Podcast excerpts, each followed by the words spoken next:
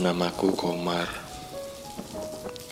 Aku mahasiswa tingkat akhir Sekolah Tinggi Ilmu Santet di Pulau Jawa. Kejadian yang pernah aku alami ini cukup membuatku tidak bisa tidur selama dua tahun. Cerita ini berawal ketika aku pindah kos ke tempat yang baru. Hari ini Aku sibuk sekali pindahan. Memindahkan barang-barang dari mulai baju, lemari, sound system, gawang futsal, genset, dan masih banyak lagi. Dari kosanku yang lama ke kosan baru, jaraknya lumayan dekat. Kurang lebih 230 km lah. Untung saja saat itu aku menggunakan motor Supra X bodong kesayanganku. Singkat cerita, tanpa sadar aku pun selesai pindahan sekitar pukul 11 malam. Dan aku merasakan perutku lapar sekali saat itu. Mengingat kalau aku belum makan dari seminggu yang lalu. Aku pun memutuskan untuk keluar mencari makan.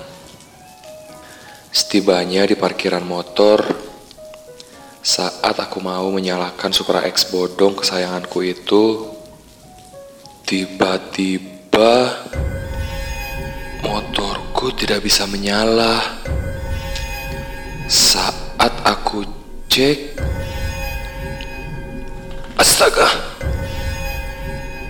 Ternyata bensin motorku habis. Aku lupa mengisi di Pertamini tadi siang. Aku pun memutuskan untuk jalan kaki saja untuk mencari makan.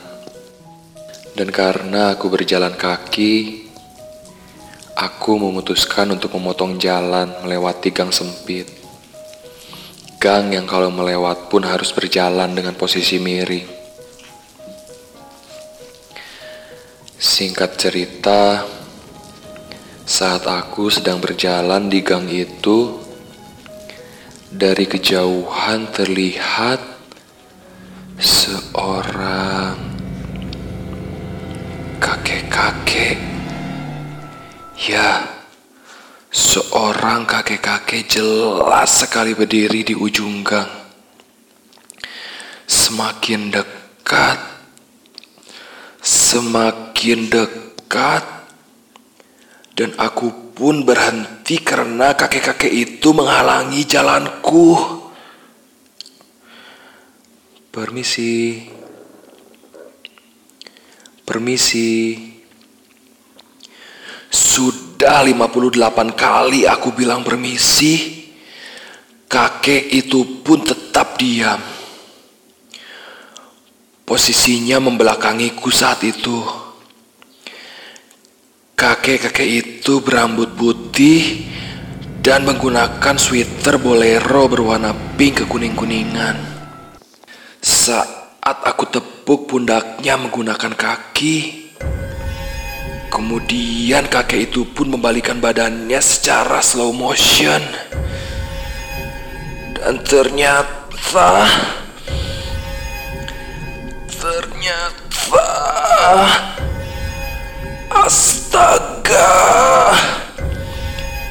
ternyata kakek-kakek itu sedang pakai headset JBL yang dibeli di Shopee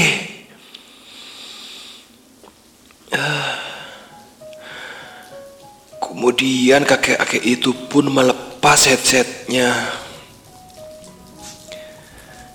Kenapa, Jang? Tanya kakek-kakek itu.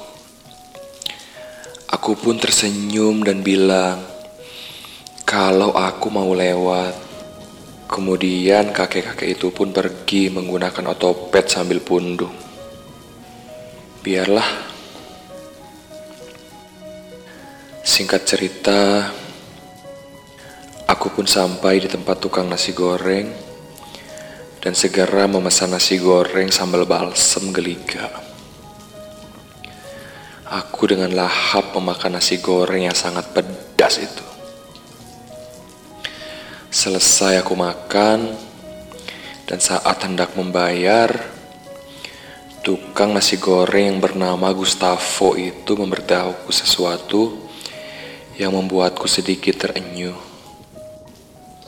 Dia memberitahu untuk berhati-hati kalau lewat gang sempit itu, apalagi di malam hari. Suka ada yang jahil, begitu katanya. Aku pun hanya tertawa mendengar nasihat Mamang Gustavo itu. Ya, jujur saja, aku tidak terlalu percaya dengan hal-hal yang seperti itu. Kemudian aku pun berjalan pulang dan kembali harus melewati gang sempit itu lagi. Di saat aku sedang berjalan dengan posisi miring sambil goyang poco-poco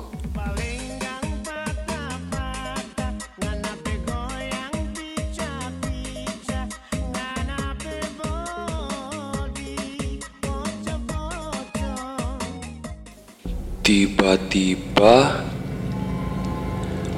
ada suara yang memanggilku. Hai, mau ke mana Komar? Astaga, suara itu seperti seperti suara seorang bencong. Ya, jelas sekali suara itu seperti seorang bencong. Aku pun sontak kaget dan mematung seperti di acara kuis dangdut. Apa itu?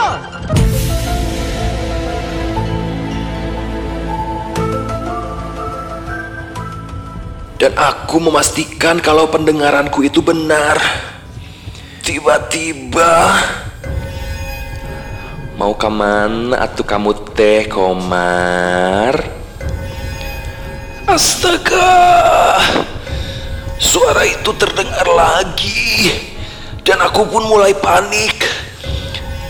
Karena saat itu posisiku sedang miring-miring gak penting.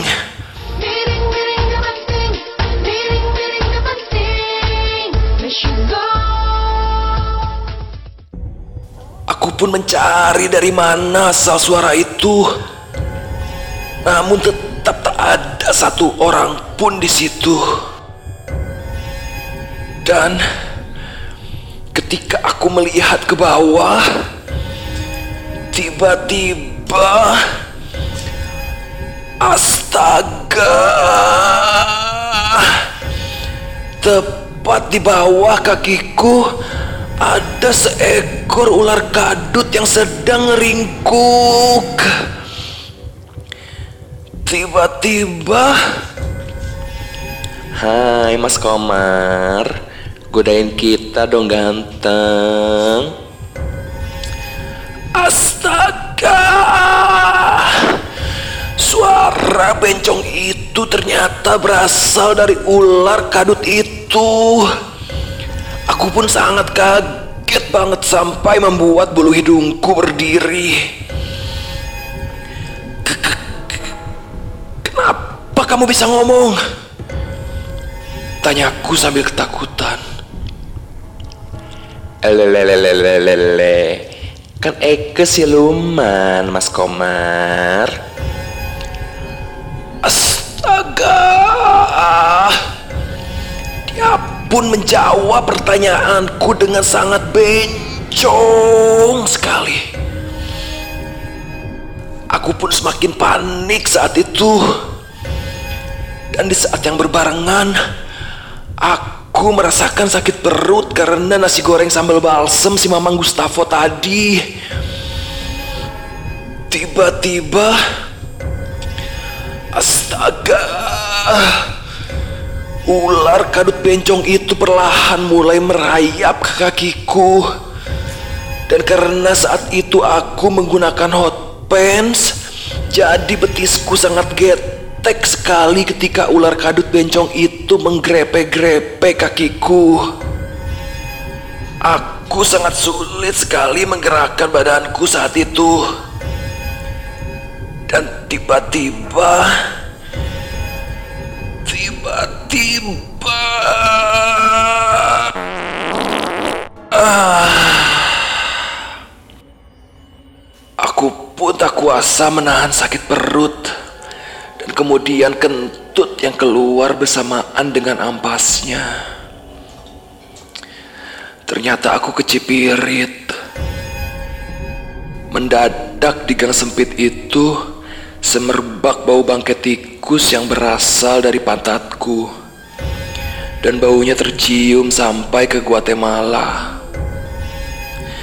Dan seketika saja siluman ular kadut bencong itu pun pingsan Karena mencium ganasnya aroma kentutku Aku pun sesegera mungkin melarikan diri saat itu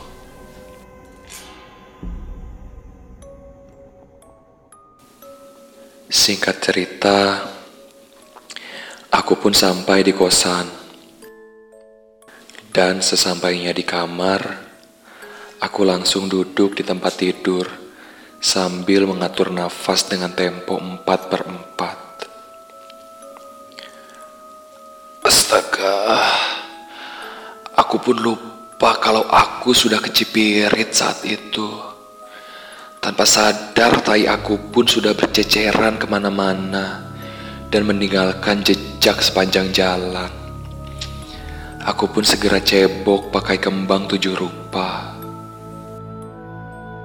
Keesokan harinya, aku bercerita ke pemilik kos tentang kejadian semalam. Dan dia pun memberitahu kalau yang menggangguku semalam itu adalah seorang anak yang dikutuk oleh ibunya menjadi ular kadut bencong. Karena anak itu suka garuk-garuk pantat pakai tupperware.